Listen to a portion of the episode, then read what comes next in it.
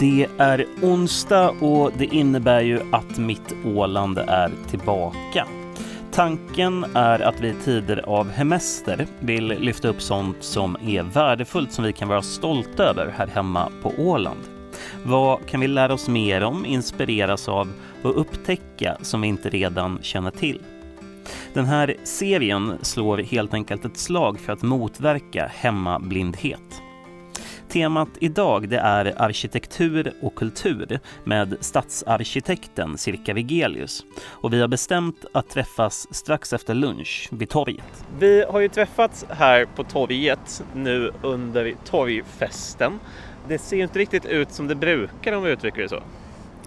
Nej, det är ju lite det här att um, torget vi har, vi har ju haft många idéer med torget och jag hade lite önskat att nu när det inte kunde vara Rockoff så kunde man ha lite, haft olika, lite mera torgförsäljning och olika restauranger som skulle kunna lite pröva sitt. Så att eh, det, det var nog lite en överraskning att det blev så här men, men, men så här är det.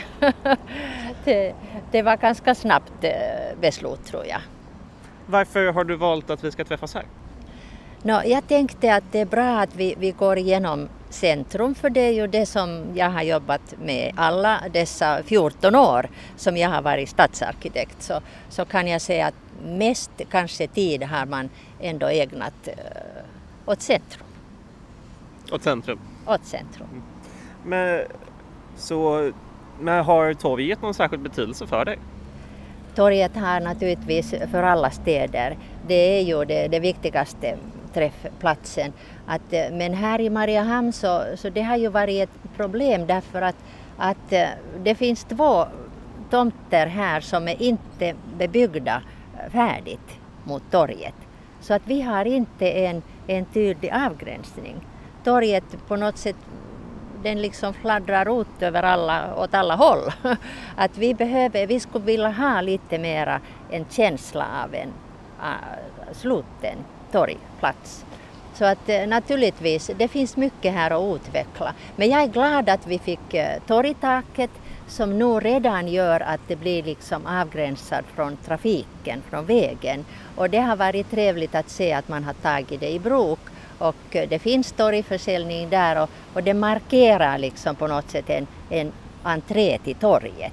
Så det är positivt. Så att vi hoppas att så småningom med olika etapper så, så vi kommer vidare och, och framför allt att de här tomterna, Emmaus och, och sen det här med, med um, Hilingshuset, att det skulle ju byggas så att vi får en riktig avgränsning mot norr. Men, men torgtaket är ju det här nybyggda taket som ja, då ja. är eh, vid inledningen mot gågatan helt enkelt. Det, just det, och, och, det är ju det som är tanken att när vi har sen längre inne i gågatan så har vi de här urbana möblerna, alltså de här lådorna med träplanteringar och blommor. Så det hör ihop det här torgtaket. Det har samma formspråk och samma material och på det sättet vi vill ju i det långa loppet knyta an torget med gågatan direkt härifrån. Men det har varit svårt för det är många som vill sen ha ändå trafiken här. Så att den här frågan håller man på lite och stöter och blöter och kanske så småningom så mognar tankarna att vi skulle få gå, gågata ända hit till Norra Esplanadgatan. Men om du, nu så börjar vi ju här på torget då. Vad har du för minnen kopplat hit? Ja, du vet ju det har ju varit så här, jag har varit sommarålänning här i 30 år före jag blev stadsarkitekt. Så att, eh, nu har jag varit stadsarkitekt 14 år så att nu har jag ju, nu har jag ju ganska lång, långt minne men tyvärr så har jag aldrig sett äh, Sosis till exempel, hur det såg ut. Sosis. Och inte heller det här Vireniuska huset som då var vid torget. Så att när jag kom in i bilden så var torget ganska mycket som det nu är förutom de här, de här paviljongbyggnaderna som har kommit eh, på Folke Wikströms tid och också naturligtvis den här markbeläggningen och så här, man har ju jobbat med de här frågorna men, men att eh, den har nog inte ändrat sig så mycket från den tiden jag har varit, jag har varit här. Eh, den här programserien heter ju Mitt Åland. Har du något smultronställe i stan som du skulle kunna dela med dig av? Ja, det är faktiskt eh, många kan man säga. Det är klart att Västra hamnen är ju kanske den där, mitt, eh, mitt hjärta där. Att jag känner att nu när man har, har den här Pommern-dockan och och där finns ju Nautical, där finns OSS, där finns Doktorsvillan, där finns eh, Pub Bastun och den magnifika engelska parken. Alltså vad skulle vi kunna göra av det? Vet du? Det skulle bli en internationell sevärdhet att utveckla det området.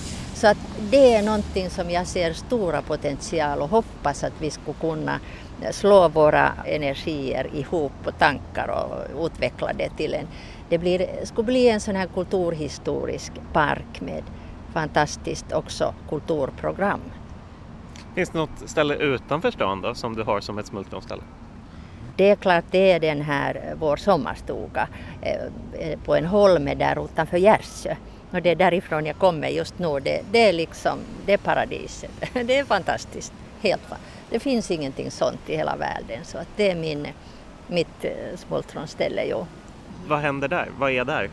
Ja, det är ju det där att när du kan överlag liksom äga en holme på den här planeten. Tänk att du har liksom mitt i, i havet, du har en holme. Jag tycker redan det är fantastiskt. Och sen att man har en holme som har olika typer av natur på olika ställen där också. Du har alla åländska naturtyper på en liten fläck. och, och, det är ju, och sen har jag, där är ju våra gamla byggnader och en snipa och det är liksom ett, eh, en resa bakåt i tiden också samtidigt när vi är där. Så det är ett ställe att liksom ladda batterier och koppla, koppla ut och allt det här. Vi kan eh, börja röra oss. Mitt namn är Sirka Vegelius och det här är mitt Åland. När jag har eh, försökt att ta reda på lite om dig som person så finns det, det är svårt att hitta grejer på internet. det är det att jag är inte någon Facebook eh, liksom, anhängare så att jag, jag har inte så mycket, det är sant. Jag, jag, kanske det är så här att man vill ju hålla sig lite, lite också sådär eh, i och med att man är ofta liksom på tapeten så, så att säga. så man vill hålla sig lite tillbakadragen, personen, mig. Men att eh, egentligen kommer jag från Åbo-trakten så att det är ganska nära ändå det här Åland. Och har också lite sjöfartblod i, i mina ådror och eh, naturligtvis min man som, som kommer från en redarsläkt eh, på Åland. Men för när jag har, eh, det jag hittade om det var att du pluggade på TKK, alltså eh, Tekniska högskolan i Helsingfors. Ja, och då ja. pluggade du till arkitekt, och, så jag förstod det. Och teknisk licentiat egentligen. Jag sen också uh, vidareutbildade mig och, i och med att jag var också lärare i, Eh, på arkitektavdelning, tror jag, tio år. Så det har varit liksom min, mitt liv hittills. Eller jag har ju också haft privat arkitektkontor med min, min man, man så att eh, före vi kom hit så så har jag faktiskt varit privatföretagare och lärare i Tekniska högskolan. Men, så du, pluggade inte, du pluggade på TKK också? Jo, absolut. Det blev liksom arkitekt från Tekniska högskolan. Ja. Hur gammal var du när du började plugga? Ja, det var genast efter studentexamen så jag måste ha varit 19 eller vad det var. Ja. Hur lång är utbildningen? No, den är ju, minimi är ju fyra och en halv år. Men nu för tiden, eller då när jag studerade, så, så, så gick man alltid och praktiserade i arkitektbyråer. Så det var jätteroligt och ofta glömde man att ah, jag också studerar, att jag borde göra mitt diplomarbete. Så att man blev ju lite så här länge. Så att jag tror jag också var kanske sju, åtta år före jag blev. Men det var det att jag jobbade samtidigt så och det var alltid jätteroligt så att man skulle kunna studera hela livet arkitektur. Man skulle aldrig vilja bli, eller man blir väl aldrig riktigt liksom färdig arkitekt. Vad gjorde dig intresserad av arkitektur? Ja, ser du, det var ju ganska bra fråga för att jag hade inte riktigt, jag hade aldrig träffat en arkitekt faktiskt när jag började studera. Men det var så att jag hade en lärare i skolan som sa att hej, att jag har tänkt att du skulle kunna kanske passa till arkitekt. Att, har du någonsin tänkt på det? Och så tänkte, men jag hade ju aldrig tänkt på det. Att visst, den har en viss sån här konstnärlig, att ville bli, ha någonting med konsten att göra. Men att den har ändå ett ordentligt yrke. Att man kan också få liksom inkom, ganska säkra inkomster. Så jag tyckte att det där var ju inte så tokigt egentligen. Att sen först efter när jag började studera så blev jag faktiskt jätteintresserad av arkitektur. Men, men, du nämnde en lärare som sa att du borde passa som arkitekt. Ja, det var en, egentligen en, en modersmålslärarinna. Hon, jag var jättebra på att skriva nämligen. Och då hade jag tänkt lite, ja det ska vara trevligt att bli författare, men man kan ju inte naturligtvis livnära sig med det. Så då hade hon tänkt att, men hör du, kanske du kunde ändå tänka på arkitektskolan. Så det var ju där jag blev. Så det var ingen sån här, du vet ju att jag, jag skulle ha tänkt från tioåring att vara men, jag har varit positivt överraskad på det här yrket. Det är så mångsidigt och intressant. Men, när sa läraren det till dig? Vilken ålder var det då? Det var ju så här att det var före studentexamen som hon, som hon sa till mig. Så Men sen, sista året du studerar ja, ungefär? Precis, ja. Att sen kom jag lyckligtvis genast in eh, när jag, när jag liksom blev student så sen samma år så kom jag in på den avdelningen och, och då hade jag ju tänkt att men jag går dit bara och ser ett år kanske. Det, kanske jag byter till någonting annat eller vill ha konstutbildning eller någonting. Men det liksom genast tog mig helt och hållet i sitt grepp liksom det här med arkitektur. Så att jag aldrig ångrat mig det, det valet. Så att, eh. men så är det, det, allting är bara en slump i livet egentligen. Men eh, så du pluggar på eh, Tekniska högskolan i Helsingfors i omkring åtta år. Sen blev du lärare där i... Ja, ja. Hur länge då? Ja, det var säkert tio år. Efter när jag blev färdig så, så sen blev jag assistent och sen efter det så blev jag lärare. Men det var trevligt att kunna göra det vid sidan om sitt arbete i arkitektkontoret. Så att det var på kvällarna vi var lärarna där och på dagarna så jobbade man i kontor. Vad fångade dig till arkitekturen då? Ja, det var kanske det där just att den är så mångsidig. Jag har alltid tyckt om att, att göra många saker. Att jag är ingen sån här forskartyp som vet du, bara studerar en detalj någonstans utan det var jättetrevligt att det innehåller så mycket, alltid. Du kan ju spe, liksom specialisera till vad som helst. Och sen är det så fascinerande med det här hur det påverkar allas liv, arkitektur. Den är jätteviktig. Vi talar inte om det hur viktigt det är. Men, men skulle vi bara vara någonstans med, med sådana här, ska vi säga, otrivsamma miljöer och fula byggnader så skulle vi alla må illa. Och vi skulle inte få så här mycket folk som vi här har nu i centrum. Om vi skulle bara ha någon typ av sån här snabbt eh, byggda betongkolosser runt omkring. Utan det är just det här att folk behöver ha trivsel och, och sånt här mys också. Och estetiska upplevelser, det behöver vi också ha. Men får man den estetiska upplevelsen främst från arkitektur? Jag tänker att man tittar på den på andra ställen i så fall, att man kanske letar upp fotografier eller filmer eller liknande. Att det är inte så vanligt att man går runt på stan och bara njuter av att det är estetiskt vackert. Ja, det är ju faktiskt eh, intressant att du säger. För det är ju så här att, att, att i bästa fall så, så stan kan erbjuda mycket estetiskt också. Att går du till, nu är det här också, men, men går du till Venedig eller Paris, det är ju bara en estetisk liksom, upplevelse från början till slut. Att, men visst är också naturupplevelser fina estetiska upplevelser. Eh, men jag, jag blir nyfiken på, för jag har för dålig koll, men vad, vad skiljer en vanlig arkitekt från en stadsarkitekt specifikt? Det är ju så här att eh, stadsarkitekt, mm, den är ju ganska, ganska gammal traditionell eh, yrke. Och, och, det har ju varit tidigare så att stadsarkitekten gjorde allting från att ritade byggnader i stan, offentliga byggnader, till generalplaner och så här Alltså man hade jättebred eh, arbetsfält och det hade redan, det hade också Folke Wikström när han började här så hade han hela det där.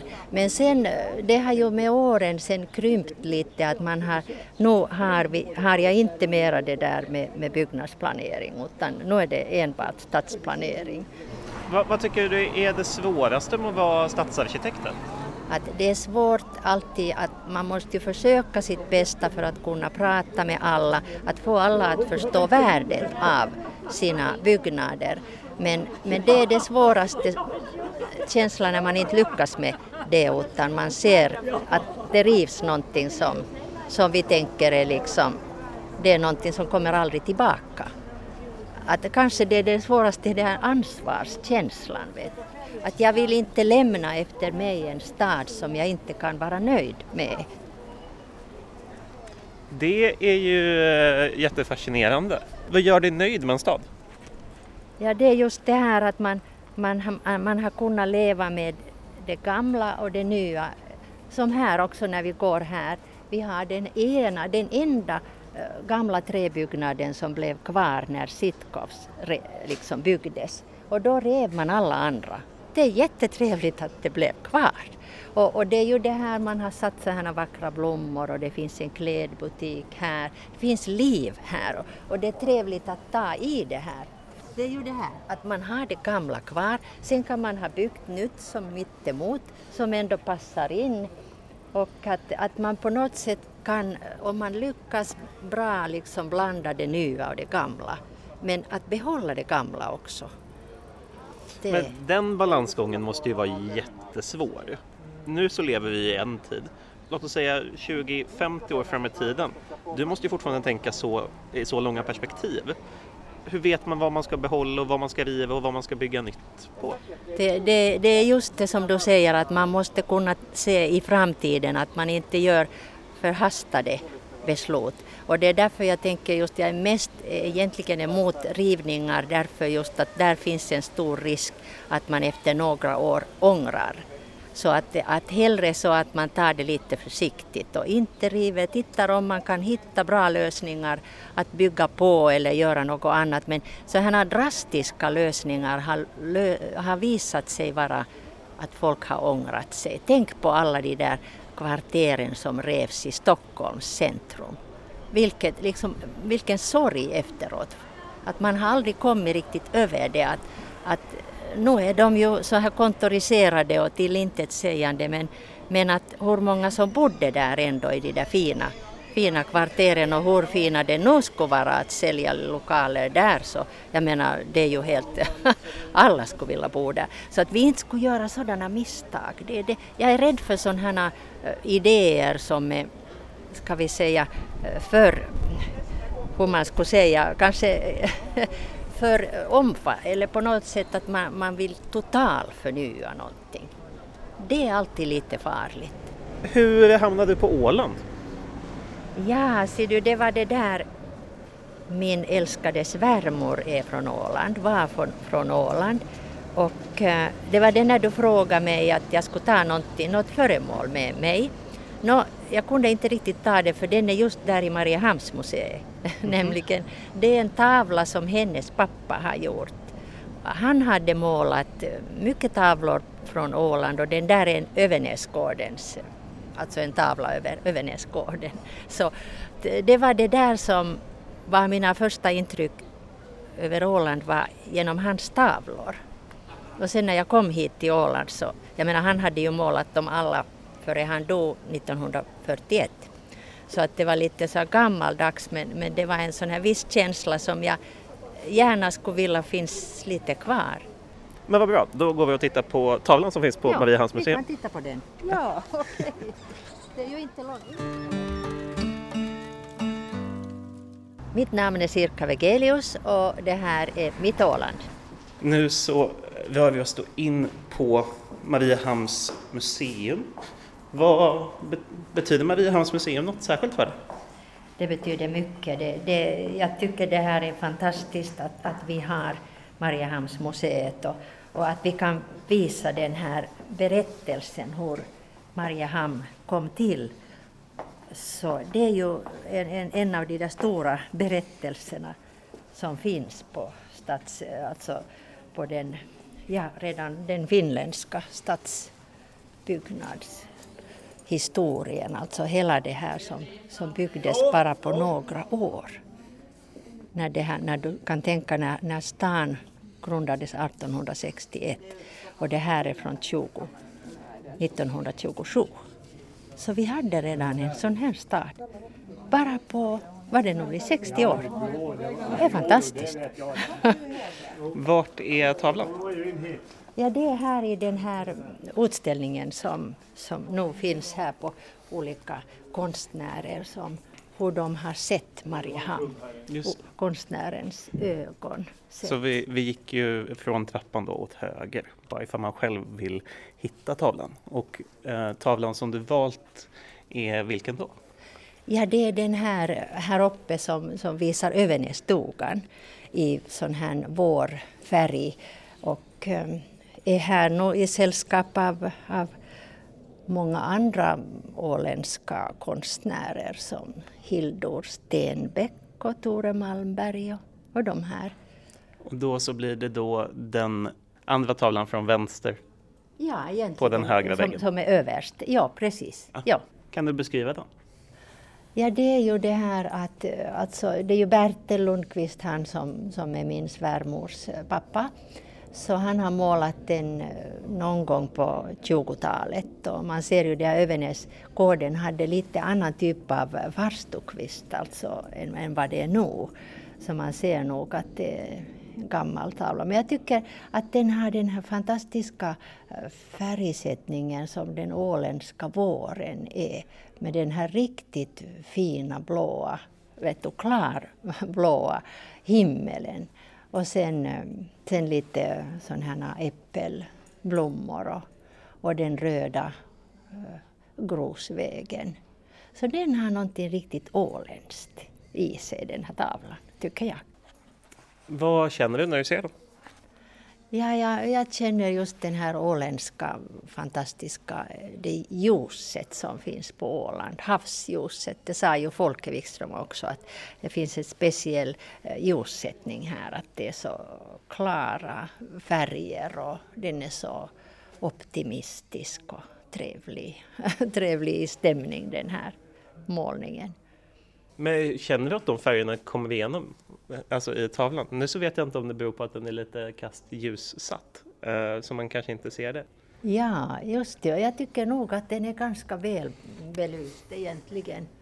Egentligen att man, man ser den, så här ser det ut också hos oss, att den är den har lite sådär liksom, just det här blåa är så intensiv, den himmelen den är lite så här impressionistisk kanske, om man skulle säga att det är någon stil på det så kanske just så här impressionistisk. Du ville bli konstnär när du växte upp också, även fast det kanske inte, du sa själv att det inte kändes realistiskt? Ja, jag tänkte nog på att, för jag, jag var ju intresserad av både att måla och, och sen att skriva, att det var sådana mm, banor som man lite funderar på, författare eller konstnär. Men sen samtidigt så kände jag lite att, att, att jag ändå ville ha ett yrke som, som jag kan liksom klara mig ekonomiskt också. Att eh, annars skulle det ha varit ganska riskabelt. Att, eller, eller sen ville jag inte hamna till, till exempel, jag spelar ju också men jag ville inte hamna till musiklärare. Så att det är också det där att om du inte riktigt får, når de där högsta frukterna så du kanske blir någonstans där emellan. Så då tänkte jag mig att jo, arkitektyrke är ju ändå, ja, den har den här kombinationen med både konst och uh, vetenskap. och praktiskt. Men, men är det någonting som du kanske känt lite sorg över? Att du inte vågade chansa? Nej, det tror jag inte. Det, det är liksom kanske som ung människa så känner man att man, man har så mycket talang. Men, men sen när man blir äldre så tänker man att ja, kanske det nog var bara en ung människas drömmar. Så att inte har jag ångrat mig. Jag tycker det här har varit jättebra yrke som, som jag just nu har. Du lyssnar till vår sommarserie Mitt Åland och temat idag det är arkitektur och kultur. Och jag och stadsarkitekten Cirka Vigelius rör oss tillbaka till Torggatan. Det är så många människor, titta och inte, inte kan man nog klaga att vi ska ha en tom centrum. Det här, titta. Här är faktiskt mycket folk fast det är dåligt väder så det är roligt att se.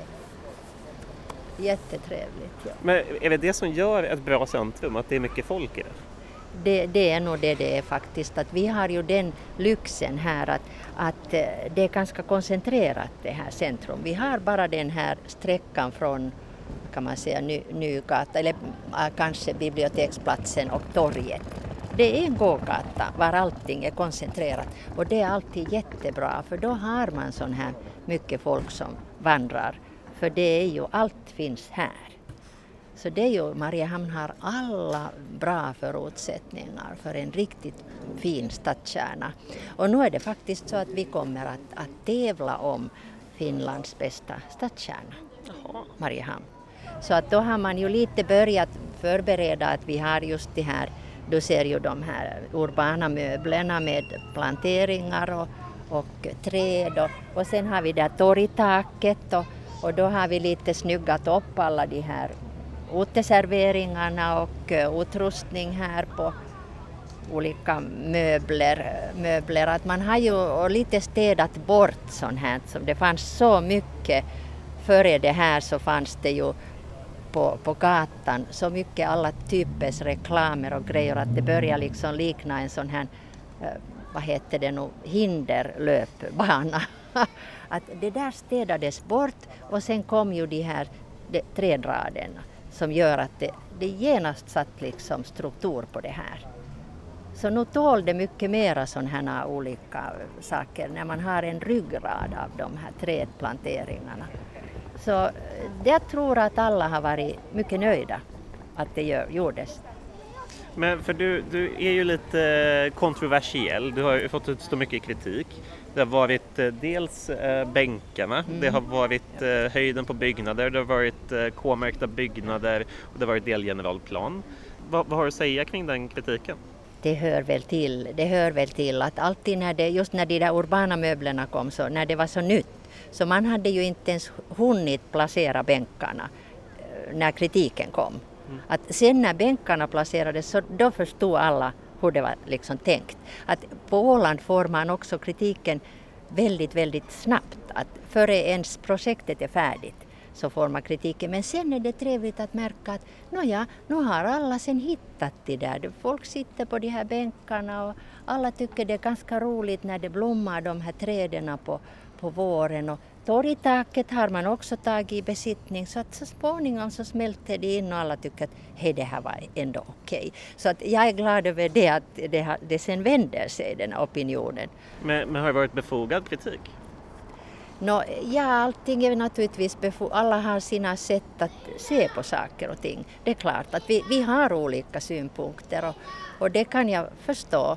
Så att, eh, och sen är det lätt att kritisera estetiska jag menar utformningsfrågor är lätta att kritisera men, men eh, jag tror i det stora hela så har det inte varit så där sån kritik som skulle ha på något sätt ifrågasatt eh, de här besluten sen. Sen har vi olika, olika intressen när det gäller just K-märkningar och, och rivningar. Det är klart det finns olika intressen från fastighetsägarnas sida och då är det ju bara att, att stå för sina liksom vad man tror på. Men eh, Borendiska huset har ju också varit ett, ett samtalsämne. Eh, det är också politiska eh, viljor som vill fram och jämfört med vad som står i lagen. Hur är den balansgången att hantera för dig? Ja, det, det, är faktiskt eh, svårt. Att vi har ju ändå en väldigt tydlig lag här på Åland, åtminstone när det gäller just det här skydd, byggnadsskyddet i generalplanen så därför är det ju, har det varit svårt att inte alla beslutsfattare har, har ändå insett att vi, vi måste ju ändå följa den där lagen. För är det någon som besvärar sig så är det inte riktigt möjligt att försvara de besluten. Man kan ta vilket beslut som helst men, men om man inte kan, kan försvara det så då fördröj, bara processerna fördröjs. Att skulle vi nu få i mål det här generalplanen så skulle alla de här få liksom nytta av de där byggrätterna som man ändå får. Boreniuska huset alltså står på ett, en tomt som har mycket byggrätt och möjligheter. Där finns ju bara en lucka i stadsbilden nu. Alltså det finns massor med utrymme på den tomten. Man behöver inte riva Boreniuska huset. Det ryms byggnader. Så att, att, eh, jag tycker bara att man måste liksom se möjligheterna på det här gamla också. Och just Boreniuska huset är ju så väl bevarad, inte det är något problem att rusta upp det. Att vi har kanske just det här att som är svårt att man, man tänker att det som behövs är de här stora kedjorna, att de ska komma till centrum. Men det är ju föråldrat redan, för stora kedjorna flyttar till nätet. Och då är det ju onödigt att vi, vi river gamla hus för att kedjorna skulle flytta in, om de ändå är på väg att flytta till nätet. Att vi har ju i Boreniuska huset finns det mycket affärsutrymmen, trevliga små affärsutrymmen för, för kaféer och min, mindre butiker och så här och det, ska, det behöver vi och det kommer att leva. Det kommer ändå att finnas behov. Men, men hur är det att försöka hantera en politisk vilja som kanske går emot en lagtext? Då? Ja, det är ju bara att försöka prata och, eh, och eh, få det här förståelse för det och försöka liksom att alla skulle åtminstone vara helt eh, att, att alla förstår konsekvenserna av sina beslut. Det är ju det viktiga. Sen kan man besluta hur man vill men det är ändå liksom det där att inse vad kan då sen vara konsekvens.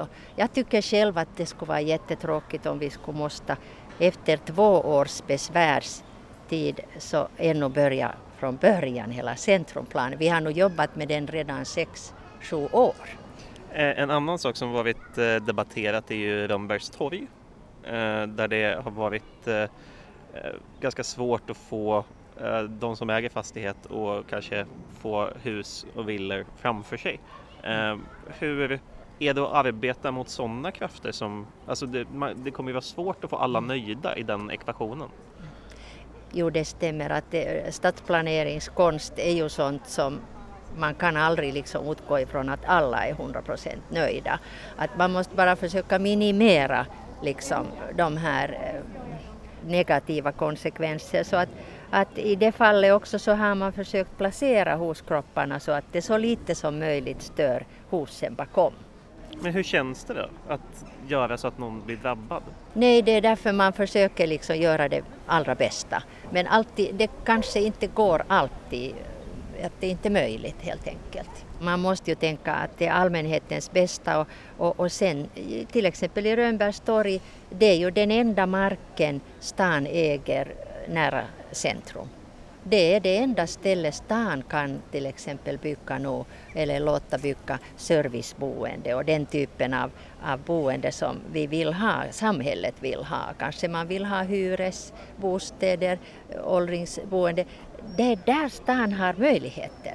För annars, allt annat är privatägt och vi kan inte säga till privata att hej, bygg det här och bygg det här och när ni ska bygga. Men där har stan den möjligheten. Så att det finns starka viljor också att, att kunna få det byggt. Mitt namn är Sirka Vegelius och det här är mitt Åland. Men för jag blir nyfiken på eh, hur din framtids Mariehamn ser ut. Hur ska stadskärnan vara uppbyggd liksom? Jag hoppas att, eh, att man kan liksom bygga stadskärnan här bara från det som det nu är byggt. Att man, man, man kompletterar, man bygger tätt, man bygger lite samma skala som redan nu finns. Att eh, det, det är ju, för det finns mycket luckor här i, i centrum. Det finns jättemycket obebyggda tomter och parkeringsplatser. Att kunna fylla dem där alla och få mera att bo här så skulle det naturligtvis bli också mera liv på det här. Men att i det stora hela så, jag tycker Mariehamns centrum är fin som den är. att den behöver förtätas men man behöver inte ha några radikala grepp.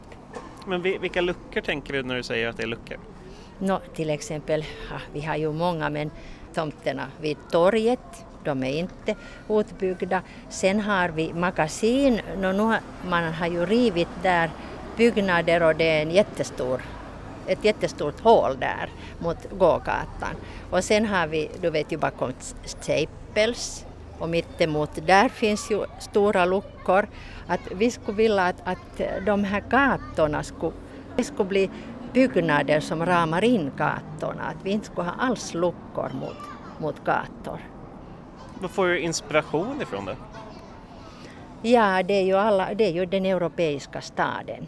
Det är ju det finaste. Det är egentligen det som är den mest lyckade också, att man har denna skala och, och ganska tätt bebyggt och sen har just det här äh, mycket ytor mot gata som är för affärer.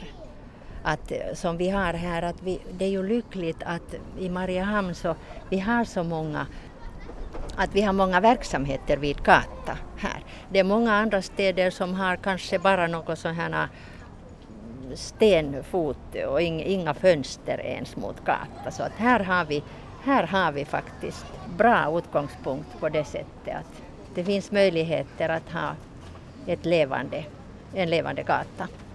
Men när, när jag tittar på gågatan här i stan, de två nya grejer som eh, jag vet att du har implementerat är ju både torgtaket och eh, bänkarna. Mm. Och båda de har en ganska rostig stil. Är, det, mm. är det någonting som du tänker ska vara genomgående och då som tema i framtidens Mariehamn?